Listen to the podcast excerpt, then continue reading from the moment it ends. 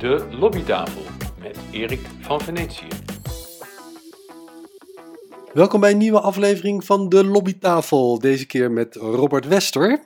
Hij is 13 jaar adviseur bij Berenschot en sinds een tijdje ook leider van het EU-team, adviesteam van dit adviesbureau.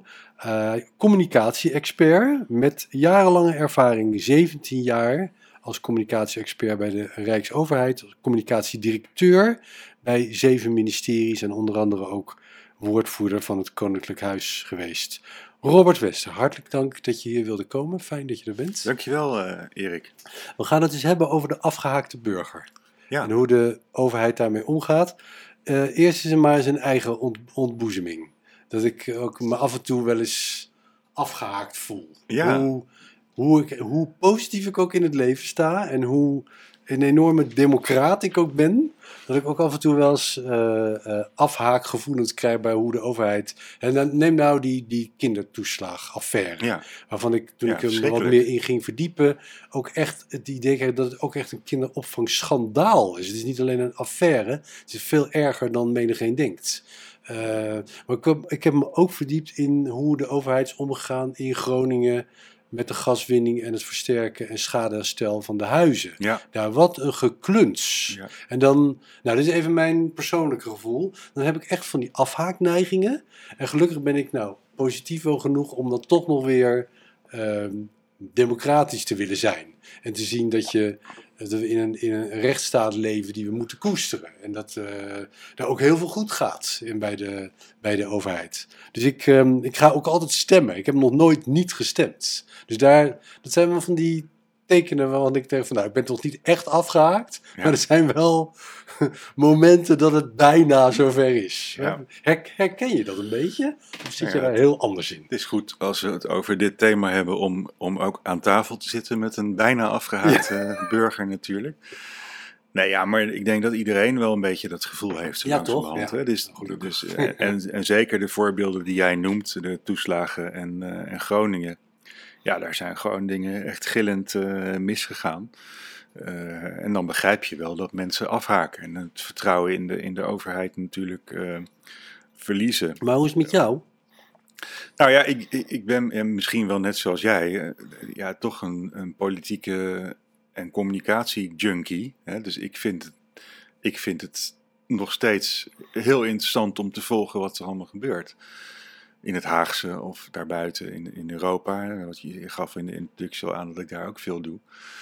Ehm, Maar houdt dat je aangehaakt? maar ik maak me wel, ik maak me wel echt zo langzamerhand zorgen over hoe het nu eh, gaat. Eh, we moeten natuurlijk niet als, een, als twee oude mannen nu overkomen. Nee. hè, Maar, maar toen wij, Geen, niet, geen mopperende oude mannen, maar even... toen ja. wij in de jaren 80 en 90 actief waren in de, in de Haagse wereld, toen had je gewoon ja, toch te maken met een vrij stabiele politieke situatie. Met grote eh, middenpartijen. Eh, ik was toen actief in de Partij van de Arbeid en ik vond de VVD verschrikkelijk rechts.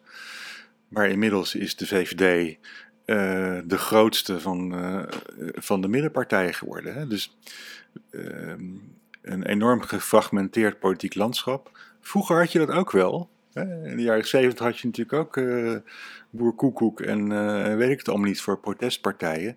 Maar je had altijd een, st- een stabiel midden, bij wijze van spreken, van, eh, ja, van partijen Ja. die met, in coalities met elkaar toch ja, compromissen konden sluiten, waardoor er een stabiel beeld ontstond. En nu moeten ze, lijkt het wel, voortdurend met elkaar bevechten van nou hoe, hoe blijven we überhaupt nog overeind. En dat is toch wel eh, zorgelijk. Ah, dat, je zegt je maakt je zorgen en dan vertel je over de politieke fragmentatie, maar er is ook, je kunt je ook zorgen maken over hoe de overheid als organisatie werkt. Ja, dan maak Hè, ik die voorbeelden van die gaswinning en eh, kinderopvangschandaal, Ja.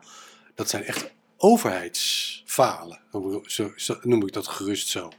Zeker. Ja. Maar heb je, heb je, hoe analyseer je dat dan? Wat is daar aan de hand?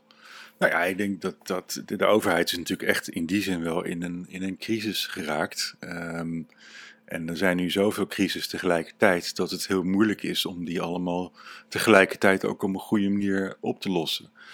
Maar goed, daar komen we denk ik in de loop van het gesprek wel op. Er moeten echt wel een paar dingen fundamenteel Ja.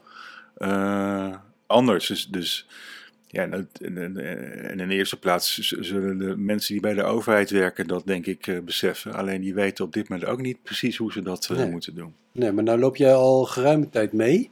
Ja. Je hebt inderdaad die ontwikkeling zien eh, gebeuren. Ehm, eh, als we eens inzoomen op die afgehaakte burger, hè? Ja, over wie hebben we het dan eigenlijk?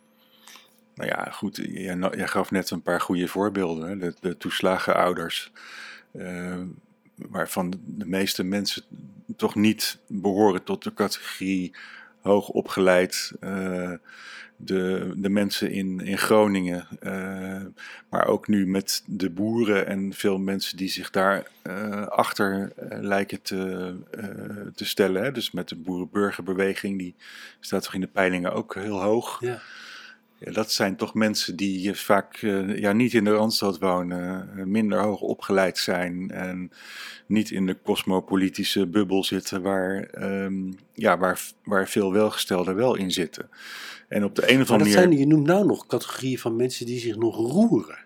En die ook politiek Ja. eh, eh, aanwezig Ja. zijn. Die, of die naar het Malieveld gaan. Ja. Wat je er ook van mag vinden. Ja, zeker. Maar je hebt in die hele grote, diverse groep van afge- afgehaakte burgers.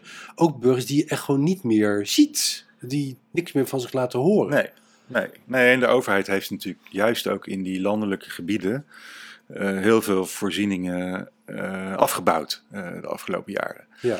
Want er wordt nu ook heel veel natuurlijk geïnvesteerd. Eh, Maar dat is dan in de, in de stikstofproblematiek of in de energietransitie. Maar hoezo afbouwen? De, de, de, de pinautomaat, de school, de Precies. postkantoor, dat soort Precies, dingen. ja. dat soort dingen. Ja. Hè, En in de, maar op de jeugdzorg eh, wordt bijvoorbeeld niet ge- ge- geïnvesteerd. Hè. Dus dat is echt wel, eh, dat is echt wel een vraagstuk. Ehm, ik weet niet of die Is dat, mensen... zit, het, zit het daar vooral in, stad, platteland, dat verschil? Zit, is het in het Ja, het is- platteland de afgehaaktheid groter dan Nou in de ja, stad? ik, ik denk dat de fragmentatie. eh, Het is, ik vind dat lastig om mensen in allerlei hokjes in te delen. Maar de fragmentatie is best eh, stevig. Eh, dat heeft te maken met stad, platteland. Dat heeft te maken met opleidingsniveau. Dat heeft te maken zelfs met eh, de gezondheidssituatie. Mensen die ongezonder zijn, die ehm, eh, hebben ook vaak minder kans op een, een goede eh, economische situatie, bijvoorbeeld. Nou ja, ik weet niet of mensen echt afgehaakt zijn. Ik denk dat de meeste mensen gewoon echt wel meedoen in de samenleving. Maar ze hebben wel het vertrouwen in de overheidsinstanties eh, verloren. Volgens mij is dat het, het echte thema. En de overheid zal er ook alles aan moeten doen om die brug te slaan met, eh, met deze mensen. En om ja, niet alleen maar vanuit Randstads perspectief naar de problematiek te kijken. Nou heb je, eh, het gaat ook over lobbyen in deze po- podcast. Ja, Een enorm sterk opkomend fenomeen al jaren, de burgerlobby. In Ja. allerlei, over allerlei onderwerpen, eh, in allerlei vormen van eh, radicaal tot heel voorzichtig Zeker. constructief.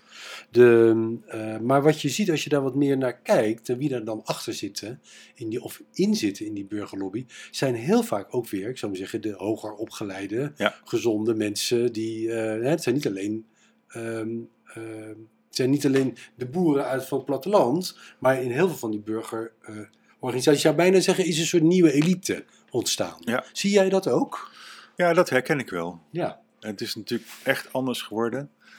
Zeker als je bijvoorbeeld kijkt naar, naar de huidige eh, problematiek rondom stikstof. Vroeger zou de overheid gewoon om tafel gaan met eh, LTO, hè, de Ja, Land- en Tuinbouworganisatie. En die vertegenwoordigen dan vervolgens alle boeren, bij wijze van spreken. En je sluit een deal en dan is er ook een deal. Nou, dat is nu eh, ondenkbaar. Nog steeds speelt LTO natuurlijk een rol. Maar eh, er zijn heel veel meer partijen opgestaan in, in, die hele, eh, in het hele boerenverzet, die ook allemaal gehoord moeten worden. En het mooie is natuurlijk wel dat, dat Johan Remkes dat ook heeft gedaan. Hè, dus de overheid Ja. heeft dat eigenlijk verzuimd. Die zat nog een beetje op die ouderwetse lijn. Van De ouderwetse lijn van wij, van weten wel, wat goed, wij Ja. weten wel wat goed is. Nou ja, en we besluiten wel een deal met de LTO. Ik weet Oh, ja, in dit ja. geval ook niet eens of dat gebeurd is trouwens. Eh, want op zichzelf, de overheid moet leveren op de opgave. En dat hebben ze natuurlijk geprobeerd met die stikstofproblematiek. Maar ze waren vergeten om daarover te communiceren en om daar eh, de mensen waar het om ging ook echt eh, ja, bij te betrekken. Ja, ik denk wel dat, eh, dat dat, die, dat, dat, dat het lobbyveld veel breder is geworden. En, Ja. en dus dat je er, daar ook echt rekening mee moet houden. Echt ook je, je daar, eh, ja, daar echt eh, het gesprek eh, mee moet aangaan. Zonder dat je, zo, zonder dat je maar even beleid formuleert. Je noemde net al de opkomst van de boer-burgerbeweging, Ja, die in de peilingen behoorlijk hoog staat. ja. Zeker richting, nou, zeker richting eh, staatsverkiezingen. Hoe, de- hoe, hoe zou jij zo'n fenomeen duiden? Ja, dat is weer één mooi voorbeeld natuurlijk van eh, de toenemende fragmentatie en, en polarisatie.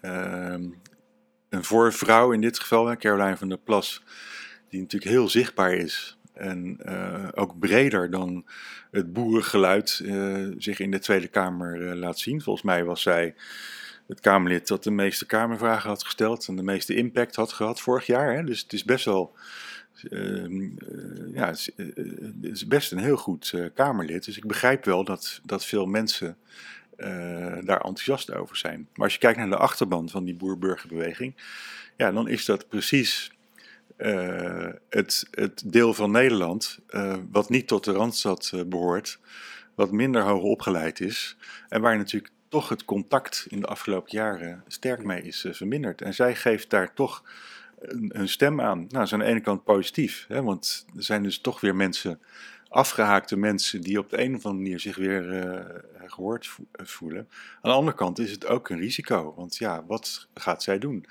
Dat is we hebben dat natuurlijk in het verleden vaker gehad met partijen die eh, opkwamen. Nou, het bekendste voorbeeld is natuurlijk de lijst Pim Fortuyn.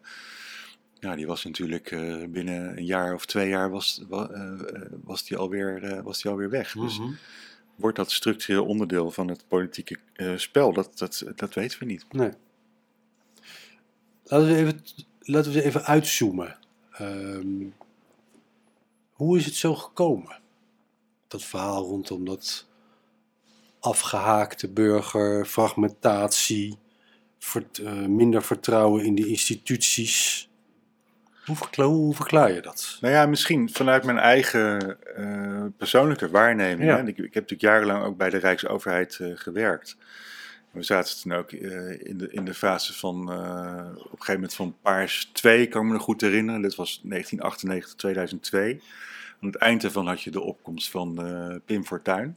Paars 2 was eh, VVD, P- PvdA, D60? Ja, Ja. met Wim Kok als, eh, Ja. als premier. Ja. Ik zat toen bij het ministerie van Verkeer en Waterstaat. En eh, ja, wij keken daar zo naar en we dachten van ja, Pim Fortuyn, wat kan dat nou eigenlijk zijn? En we hadden totaal niet in de gaten dat hij ehm, ja, zeg maar eh, blootlegde wat er in heel veel eh, lagen van de samenleving leefde. Het ging natuurlijk heel erg over de multiculturele samenleving. Ja, die vanuit het cosmopolitische links-liberale perspectief alleen maar als eh, positief werd gezien. Ja. Terwijl er natuurlijk allemaal schaduwkanten van waren, met name in de oudere wijken in de, in de grote steden. Die lange tijd ook on- onderschat zijn door de, de gevestigde partijen. Eh, wij schrokken ons echt rot. We waren gefocust op, eh, op de Haagse wereld. Eh, we deden weinig onderzoek naar wat zich breder in die samenleving afspeelde. Ehm, en we hadden echt geen idee dat dat, dat, dat zo'n ongelooflijke grote beweging zou worden. Dus we schrokken ons echt rot. Ja. Want, oké, toen kregen we de, de, de moord op Pim maar de LPF werd toch heel groot Ja, in de toen, Kamer. toen is natuurlijk eigenlijk de, de afbladdering van het eh, brede midden eh, begonnen. Eh, en, en kreeg je dus echt de situatie dat, ja, dat mensen steeds meer gingen switchen van partij. Natuurlijk in een individuele samenleving ook eigen keuzes maken. En ja, tot op de dag, op de dag van vandaag eh, is dat effect eh, merkbaar. Ja. De VVD is nu met, eh, met 34 zetels natuurlijk nog best een hele grote partij. Maar vroeger vonden we dat klein. Ja, dus het is echt veranderd in de loop van de, Maar de toen tijd. jullie rot. Wat Ja. is er eigenlijk, jij zat er met je neus bovenop, wat is er toen daarna, in de jaren daarna eigenlijk gebeurd? Ja, we hebben dat. Ik, ik denk dat de overheid zich dat toen wel heel erg heeft aangetrokken. Eh, we hebben toen allerlei initiatieven genomen om toch beter te, luisteren van wat gebeurt er nou allemaal in de omgeving. Eh, ik kan me herinneren dat, dat er een heel groot eh, belevingsonderzoek is eh, gestart vanuit het Sociaal en Cultureel Planbureau. Nou, dat, daar horen we ze ook nog heel vaak over. Hè? Eh, de vorige directeur van het eh, SCP, Kim Putters, die, eh, ja, die heeft ook meermalen gewaarschuwd. Hè, van let op het vertrouwen in de overheid, dat wordt echt zwak. En, maar de vraag is vervolgens, wat doe je daar dan mee? Ja. Dus we krijgen steeds meer instrumenten in handen om goed te kunnen monitoren en te weten wat gebeurt daar in de samenleving. Maar dan moet je daar natuurlijk vervolgens wel echt naar gaan, eh, gaan handelen. Nou ja, en de voorbeelden waar we het aan het begin van deze podcast over hadden, geven wel aan dat dat toch niet op alle. Ja, we hadden het over Groningen en over de toeslagen. Ja, ja. Wat, wat, wat, wat is het waardoor het niet, wat, wat is het waardoor dat niet gebeurt, dat handelen? Ja, het dringt niet echt door, lijkt het. nee, het is toch, een, het is toch een soort eh, fixatie op, eh, op het Haagse. En, en denken dat, je, dat de samenleving maakbaar is en dat je dat vanuit Den Haag wel kan eh, regisseren allemaal. Ehm, nou, het antwoord is dat dat natuurlijk niet het geval is. Hè. Dus, Hoe zal dat dan gaan met die woningbouw? Maar ze hebben weer een heel ander onderwerp te noemen. Hugo de Jonge die trekt de touwtjes aan als het gaat om centralisatie. hè. De Rijksoverheid moet weer meer de, de, or- de, de ruimtelijke ordening gaan doen. Ja. Ehm, dat is dan toch ook, ja, ik wil niet, niet ehm, doemdenkerig zijn, maar dat lijkt me weer zo'n mooi voorbeeld van waar je kan leren van het verleden. Hoe kijk je daar tegenaan? zeker. Nou ja, we hebben natuurlijk ook wel een hele golf van decentralisaties Ja. gehad de afgelopen periodes. Zeker met ook in die woningbouw, in ja, de sociale 2, hè. sector, ja. In, in het sociale domein en, Ja. en de jeugdzorg met name, waar ook nog wel het een en ander op af te, te dingen valt. Maar wat zou de overheid nu kunnen leren, daar, zit, daar wil ik hem eigenlijk met je naartoe, Ja, van die fouten of van eigenlijk dat, dat, dat wat ze niet gezien hebben. Hè? Want je zegt van ze pakken het niet op, de overheid. Ze, ze krijgen de signalen, onrustsignalen zijn er voldoende, alleen ze pakken het on- onvoldoende op. Nou neem ik dus zo'n voorbeeld van die woningbouw. Lijkt me een mooi voorbeeld. Daar zijn we nog helemaal aan het begin Ja. van die enorme operatie. Hoe, hoe, hoe, hoe pak je dat nou als overheid dan wel goed op? Ja. Ja, dat is natuurlijk eh, toch, en daar, daar is Nederland traditioneel gesproken ook best sterk in, om dat samen te doen met de verschillende partijen Ja. die daar echt over te gaan. Ja, de oude gaan. poldertraditie. Ja, maar het nieuwe is natuurlijk dat je dat ook echt doet met, eh, met inwoners, gewoon met burgers, et cetera. Ja. En dat gebeurt, dat, dat, dat is iets wat in Nederland bijna niet eh, gebeurt.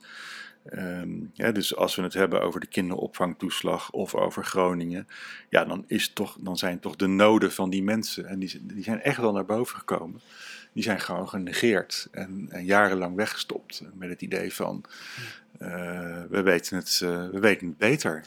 Maar hoe, hoe kun je nou van een overheid verwachten dat hij eigenlijk als het ware zijn eigen kritiek organiseert? Want dat is in wezen wat, je, wat jij wil. Ja, nou ja, dat, dat, zou iedereen moeten doen. Hè? Dus, dus eh, als je in teams samenwerkt, moet je niet teams samenstellen met mensen die allemaal precies hetzelfde zijn en precies hetzelfde denken. Mhm.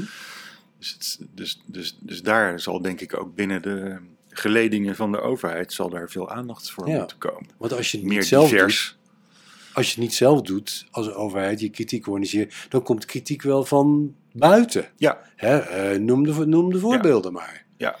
Ja, en wat jij ook terecht zei, hè, dus de, de georganiseerde mensen die laten zich dan ook nog horen. Ja. En dan heb je ook nog het, het risico van de mensen die zich helemaal niet meer laten horen, de afgehaakte burger. Ja, ik denk zo langzamerhand dat we in de situatie zijn dat eigenlijk niet de, de burger afgehaakt is, maar dat de, dat de overheid afgehaakt is. Hmm. Ehm, en dat de overheid echt op een andere manier naar zichzelf moet eh, gaan Die kijken. en draait het om. andere, eigenlijk wel, hè, omdat het is volgens mij niet, niet zozeer dat, dat de burger echt afgehaakt is. Die draait wel mee in die samenleving. Maar die heeft elk vertrouwen eh, in de overheid eh, verloren. En dan hebben we het niet over de hoogopgeleide randstedeling. Nee, nee, nee. Dan wel prima. Eh, en die kijkt ook naar de randstedelijke eh, eh, televisieprogramma's. Dat komt allemaal wel, wel goed met die groep. Maar het gaat om nou, de groep mensen waar we het eerder over hadden. buiten de Randstad. vaak wat minder hoog opgeleid. die, ja, die afhankelijker zijn dan wie dan ook van die overheid, Ja. maar die zich niet goed behandeld voelt door die overheid. Oké, maar nou, nou heb je toch weer vanuit het perspectief van de afgehaakte burger. Maar je noemde Ja. net, de- eigenlijk zeg jij, de overheid is afgehaakt. Ik vind het wel, ja. Ja. Dus, eh, Waar blijkt dat uit? De overheid is eh, te veel met zichzelf eh, bezig geweest en te weinig met ja, de noden die er gewoon echt leven bij grote groepen in de, de samenleving. Daar te weinig oog voor heeft gehad, ondanks dat er echt allerlei middelen zijn aangereikt om daar meer aan te doen. Ja, ik, ik wil nou niet een, een heel negatieve podcast hiervan maken. Hè? Dus het, het- moet wel echt Ja, we gaan zo meteen weer po- iets- positief. er moet echt wel iets eh, kunnen veranderen. Mhm. Maar eh, nee, ik denk wel dat, dat eh, de overheid in die zin eh, ja, slagen zou eh, moeten maken. Tijd voor de oplossingen. We gaan eens kijken naar wat zou, er, wat zou de overheid kunnen doen. Een van de dingen die jij wel vaker roept is de overheid moet minder een grote broek aantrekken. Ik denk het wel. Hè? Dus, en dan gaat het met name over Den Haag. Ja, En er is ook een soort overmatige fixatie eh, op Den Haag. Ja. Ook door de media bijvoorbeeld. ja hoe komt dat dan toch? Want er gebeuren daar de spannende dingen? Nou ja, tot, tot, mijn, tot mijn vreugde zie ik hier en daar ook steeds meer initiatieven op regionaal niveau. eh, bijvoorbeeld als het gaat om eh, het versterken van eh, de regionale media, of lokale media zelfs. Je ziet tal van burgerinitiatieven om bijvoorbeeld gezamenlijk zonnepanelen aan te kopen. Ehm, de samenleving kan heel veel zelf. Hè? Dus eh, er is, geloof ik, het afgelopen half jaar eh, 20% eh, energie eh, bespaard. Ja. Ehm, En is dat dan dankzij of ondanks de overheid? daar, daar is geen enkele overheid voor nodig geweest. Nee? Dus, dus, nou ja, misschien met die regionale media wel. Maar het is goed dat, dat, er, eh, dat er beter. Uiteindelijk gebeurt het gewoon op het lokale en regionale niveau. En het gebeurt ook voor een groot deel in Europa. Nou, daar hebben we eerder een podcast over opgenomen. Maar Europa bepaalt natuurlijk voor een groot deel. Zo'n Green Deal is heel veelomvattend. Het gaat Dan echt is dat, hè? Het gaat echt over de, de reductie van CO2 op allerlei eh, eh, terreinen. Eh, Ja, en die bepaalt, zonder dat wij dat hier in de gaten hebben, ook heel veel van de koers die we in Nederland moeten Zeker, varen. zeker. Het hele stikstofverhaal Ja, en landbouw, zeker. toekomst, dat is allemaal Europees. Althans, Europees achtergrond. In- vanuit Europa worden de kaders daarin eh, bepaald. En Nederland moet dat doorvertalen naar nationale eh, wetgeving. Maar het gebeurt uiteindelijk op het regionale en lokale niveau. Daar Ja. moet het gebeuren. Even, eh, hè, dus even uitgezonderd grote investeringen in, in waterstof of in eh, windparken op zee. Dat zijn natuurlijk belangrijke eh, ja. nationale zaken die moeten worden aangepakt. Maar voor een groot deel moeten bedrijven en moeten burgers, inwoners, moeten het zelf gaan organiseren. En ik zou willen dat de overheid daar veel meer een stimulerende, faciliterende rol in gaat spelen. En vanuit Den Haag bezien zou, de, zou Den Haag veel meer de lokale overheden Ja, eh, in stelling moeten dat- brengen. Maar dat is in het verleden natuurlijk, in het recente verleden, een aantal keer gebeurd. want de- waarin de Rijksoverheid zei bijvoorbeeld in het sociale domein, zei tegen de gemeentes, neem jullie die taken over. Ja. En wat gebeurde er? Er gingen dingen mis. Maar dat heb je bij zo'n decentralisatie. Ja. En dan roept iedereen meteen weer, Den Haag moet ingrijpen. Ja, ja, Dus het is ook wel weer een... ja. je kunt wel zeggen, de, overheid, de Rijksoverheid Den Haag, eh, daarop eh, is een enorme fixatie. Ja, En Den Haag zou minder grote broek moeten aantrekken, maar die grote broek wordt ze opgedrongen, zou je kunnen zeggen. Ja, maar ze, Is dat dat, zo? ze, ze vinden het ook wel, dat, dat- is ook wel iets wat ze zich graag laten opdringen. Ik Ja, denk dat Den Haag het ze ook, missen wel, de grote ook wel broek fijn eigenlijk. vindt, ook wel fijn vindt om, om die grote broek eh, nog eens even aan te trekken. Maar het is natuurlijk een illusie om te denken dat je vanuit die Haagse kaastop of hè, de- de- de- ik zat vroeger ook op die departementen, zat ik me daarover te ba- verbazen hoeveel moeite er werd besteed aan het maken van zo'n beleidsnota. En dan Ja. het idee te hebben dat je daarmee allerlei veranderingen in die samenleving het, eh, in- in gang zet. Dat is maar in zeer beperkte mate eh, het geval. Tenzij het een beleidsnota is die gebaseerd is op signalen van burgers zelf. Ja, zeker. Hè, dan, dan, dat is jouw verhaal. Veel meer responsieve overheid, veel meer... Ja, Nou ja, niet de- alleen met de, met de brancheorganisaties en de usual suspects, de de polder, maar gewoon met de gewone De mens. vraag is sowieso hè, of je dat nou echt allemaal in die beleidsnota's moet doen. Ik, ik weet nog wel dat ik bij Verkeer en Waterstaat op een gegeven moment hadden we een LPF-minister, Rolf de Boer. Ja, En die werd ook de hele tijd gevraagd naar eh, de perikelen binnen de LPF. Want er was allemaal gedoe de hele tijd. Met Heinz Broek en met, ja, zat ruzie. en met Bomhof. Bomhof, Misschien kan je het nog herinneren. ja. En ik heb toen met hem afgesproken. Wij, het enige wat we laten weten is de minister is aan het werk. Ehm, en met dat soort quotes als in, in nota's kun je niet, kun je niet rijden. Hè? Dus we zijn echt aan de slag om, eh, eh, om, om eh, met allerlei partijen in het land te zorgen dat die bereikbaarheid wordt vergroot. Oké, be- beleidsnota's hel- helpen niet echt. Zijn Nee. belangrijk, maar voor de, voor de kaastop. Ja, maar het is toch vooral ook een, een doorvertaling van datgene wat er uit eh, Europa komt. En natuurlijk moet hier en daar wat, eh, ik wil dat niet onderschatten, eh, moet er wetgeving eh, komen.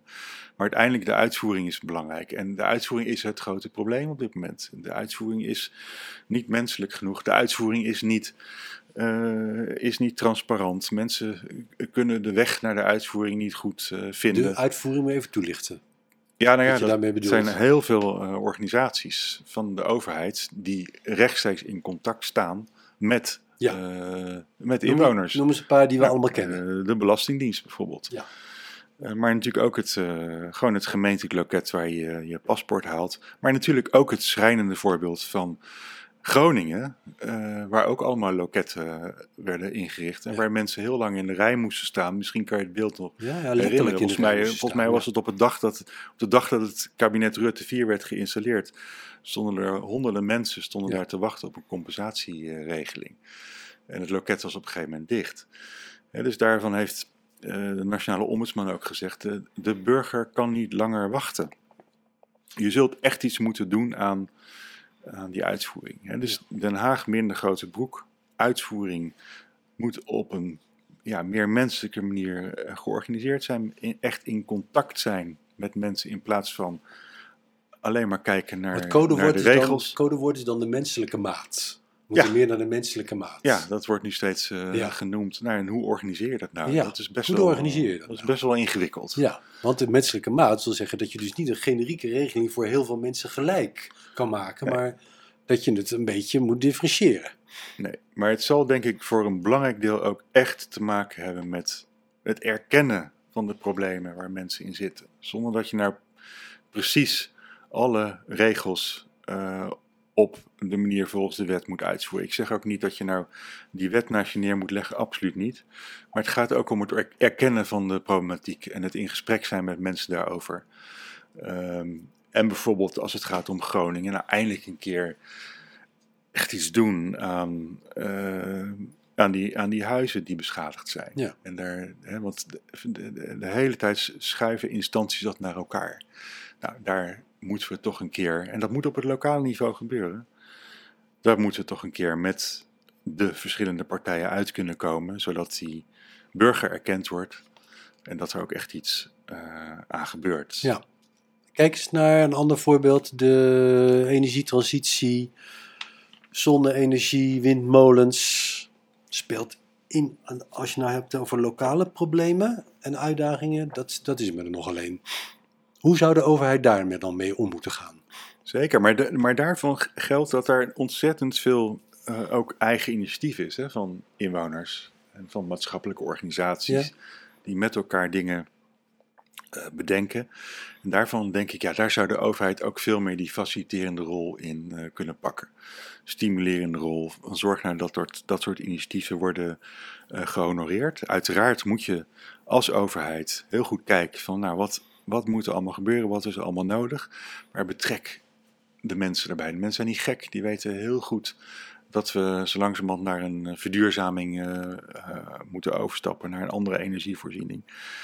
En, en daarvan denk ik echt van, daar zou, daar zou je veel meer aandacht aan kunnen besteden. En daarmee kun je ook een ja, voorbeeld zijn van die nieuwe overheid. Ja. Namelijk minder zitten op de precieze regels en meer eh, mensen stimuleren om, eh, nou ja, het- hetzelfde doel eh, te bereiken wat je eigenlijk allemaal wil. Zijn er ook ehm, organisaties in Nederland waarvan je, je noemde net al de ombudsman, maar zijn er ook andere organisaties die daarin een voortrekkersrol zouden kunnen spelen? Ja, er zijn volgens mij ongelooflijk veel eh, organisaties. Kijk, we hebben laatst een heel mooi onderzoek gedaan naar energiearmoede, in Europees perspectief overigens. Maar daar hebben we ook met allerlei kwetsbare Nederlanders eh, gesproken. En dat ging bijvoorbeeld via eh, de sociale diensten van gemeenten, of dat ging via de voedselbank, of dat ging via moskeeën, of via kerken. Er zijn allerlei organisaties in Nederland die contact houden met Ja. die afgehaakte burger waar we Ja. het in het begin over hadden. Ja. Dat is ongelooflijk mooi om te zien. En, Maar pleit jij eh, ervoor om juist die organisaties wat meer nou, zichtbaar te laten zijn? Ja, ik denk dat het heel goed is dat die ook een, eh, een rol gaan spelen in, eh, in de uitvoering van deze problematiek. Die, de overheid kan het niet meer alleen, eh, Erik, denk ik. De overheid is niet meer in staat om, om alles te doen. De problematiek is te groot, de mensen zijn te kritisch en terecht. Eh, dus, dus je zult met al die organisaties dat, eh, ja, iedereen kan daar zijn rol in pakken en iedereen kan daar een, eh, een steentje bijdragen. En tegelijkertijd is dat denk ik, ja, het zal heel lastig zijn. Het, vertrouwen in de overheid is echt behoorlijk laag op dit moment. Maar st- stapje voor stapje kun je daarmee ook eh Ja. Nee, maar het is wel interessant dat je toch weer pakken. dat je ook zegt dat ze moeten ten eerste responsief zijn voor de stem van de burgers zelf, maar er zitten ook dus weer organisaties tussen die daar ook een hele positieve rol in zouden Ja, kunnen tuurlijk. spelen. Ja. En die meer zichtbaar, meer nou, hoorbaar maken, Ja. zou kunnen helpen. En die, die al echt in contact zijn. Hè? ja, ja. Dat geldt voor de overheid meestal niet. Dat is toch Zie je dat er hier, je hebt het veel over lokale initiatieven, Ja. het belang van regionale lokaal. Ja. Zie je dat lokaal wel gebeuren? Ik zie dat lokaal eh, heel veel gebeuren. Volgens mij is, de, is er met de, de samenhang binnen eh, allerlei lokale gemeenschappen niet zoveel mis in Nederland. Dat, dat lees je ook een beetje terug. Hè. Mensen zijn ontevreden over de overheid, maar mensen zijn eigenlijk heel tevreden over hun eigen plek in de samenleving. Ja. Dat heeft ook te maken met die eh, lokale gemeenschap waar je natuurlijk eh, in leeft. Nou ja, dat herkent denk ik ook iedereen wel. Ja. Daar is natuurlijk niet zo heel veel, eh, heel veel mis. En daar probeer je elkaar ook te helpen. Als er coronacrisis is, dan doe je boodschappen voor je, Ja. voor je zieke buurvrouw, ik noem maar wat. Dus dat is ook het mooie van Nederland. En dat is ook, dat is ook eigenlijk iets wat best wel goed gaat. Het vraagstuk is nu, denk ik, vooral de afgehaakte overheid. Hè? Dus Ja. de overheid die niet meer wordt vertrouwd. En dat is echt wel een probleem. Er zijn allerlei krachten in, in Nederland die de democratie en de overheid proberen aan te tasten. Dus de overheid zal daar ook echt snel met een antwoord eh, moeten komen. Allemaal niet eenvoudig, maar stapje voor stapje, samen met verschillende partijen en inwoners, denk ik wel dat we daar eh, verder in kunnen komen. Dan heb jij een, een lange ervaring als Rijksambtenaar. Ja, Ehm, ambtenaren spelen een belangrijke rol. Politici komen en gaan en de versnipperde politieke landschap zorgt voor veel turbulentie. Maar ambtenaren blijven eh, op hun plek. En Ja. zo, en wel, jij, jij komt uit die wereld. Ja. Ehm, je ziet ook dat ambtenaren, zeker rijksambtenaren, altijd wel heel erg bezig zijn met het uit de wind houden van de minister, zeggen ze dan altijd. Het is dit heel erg op die politieke eh, kwetsbaarheid Ja. eh, gericht. Ja, dat heeft te maken met die, die grote broek hè, waar we het over Die hadden. grote broek, Die, die ja, die hebben jullie, graag willen, willen aantrekken. Terwijl ik echt zou pleiten voor een eh, minder grote broek en meer bescheiden faciliteren, ondersteunen van nou, bijvoorbeeld regionale, lokale Ja. overheden. Ik zou daar ook echt voor pleiten dat, dat ambtenaren daar een rol in krijgen. Ook, ook Haagse beleidsambtenaren kunnen best eh, een dag in de week eh, iets op regionaal of lokaal eh, niveau doen. Dat is volgens mij hartstikke gezond. Maar op dit moment zit de ambtenarij best wel in een kramp en dat is ook wel logisch, omdat ja, dan, gaat het, nou, wat jij, de voorbeelden die we bespraken, toeslagenaffaire. Ja, dat is natuurlijk toch fout gegaan uiteindelijk in de, in de uitvoering. Ja. Op basis natuurlijk van politieke instructies. Laten we dat vooral niet vergeten. Hm. Maar de politiek wijst dan heel makkelijk naar de ambtenarij als, eh, als de gebeten hond. Dus, dus het is logisch dat ambtenaren eh, ja, daar ook wel een beetje bang van zijn geworden. Dus daar zul je ook echt iets aan moeten doen. Hè? Dus je moet, denk ik, ook de ambtenarij en met name de uitvoerders weer een beetje in positie eh, brengen. Zodat ze echt dingen kunnen doen waar ze voor zijn aangenomen. In plaats van eh, zich de hele tijd moeten verantwoorden voor wat er mis is gegaan. Ja, ambtenaar meer voor de afgehaakte burger. Ja, eigenlijk wel. Hè? Hm. Dus je moet misschien minder werken voor je minister en meer voor de afgehaakte burger. Ja. Misschien is dat wel een mooie, eh, mooi motto van de nieuwe overheid. Goed. Genoeg hoop toch weer voor de toekomst. Ja, toch? We, we zouden, we zouden positief Ja, afsluiten, we weet je moeten, nog? we moeten niet gaan Of is dit zitten... nou een beetje een geforceerd we positieve niet- afsluiting? nou ja, nee, maar we moeten niet gaan zitten tobben natuurlijk. Nee, nee, nee. Er gebeuren ook hele mooie dingen in Want de je zie, zie jij ook voldoende eh, rijksambtenaren die wel op deze manier denken? Nou, er zijn wel, wel voorbeelden. Ik, ik, begreep laatst bijvoorbeeld dat eh, een van mijn oud-collega's, nu de directeur communicatie bij eh, het ministerie van Economische Zaken en Klimaat, die is één dag in de week in Groningen om ook echt te luisteren van wat, eh, ge- wat, wat, Ja. wat speelt hier en wat gebeurt hier. Ja, dan Dat- is het nog weer wat je ook al zei. Dan ze goed. luisteren wel, Ja. maar wat doen ze ermee?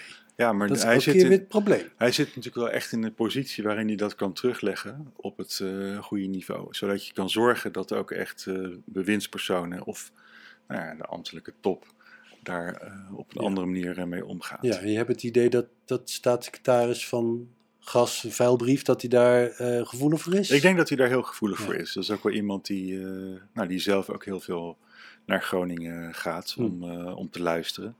Ja, de oplossing daar zit hem toch voor een groot deel in, ehm, in het lokale. Het moet, lokaal moet het, eh, moet het daar georganiseerd eh, worden, opgelost worden. Met hulp natuurlijk van eh, de instanties die namens, het, namens de Rijksoverheid spreken. Ja.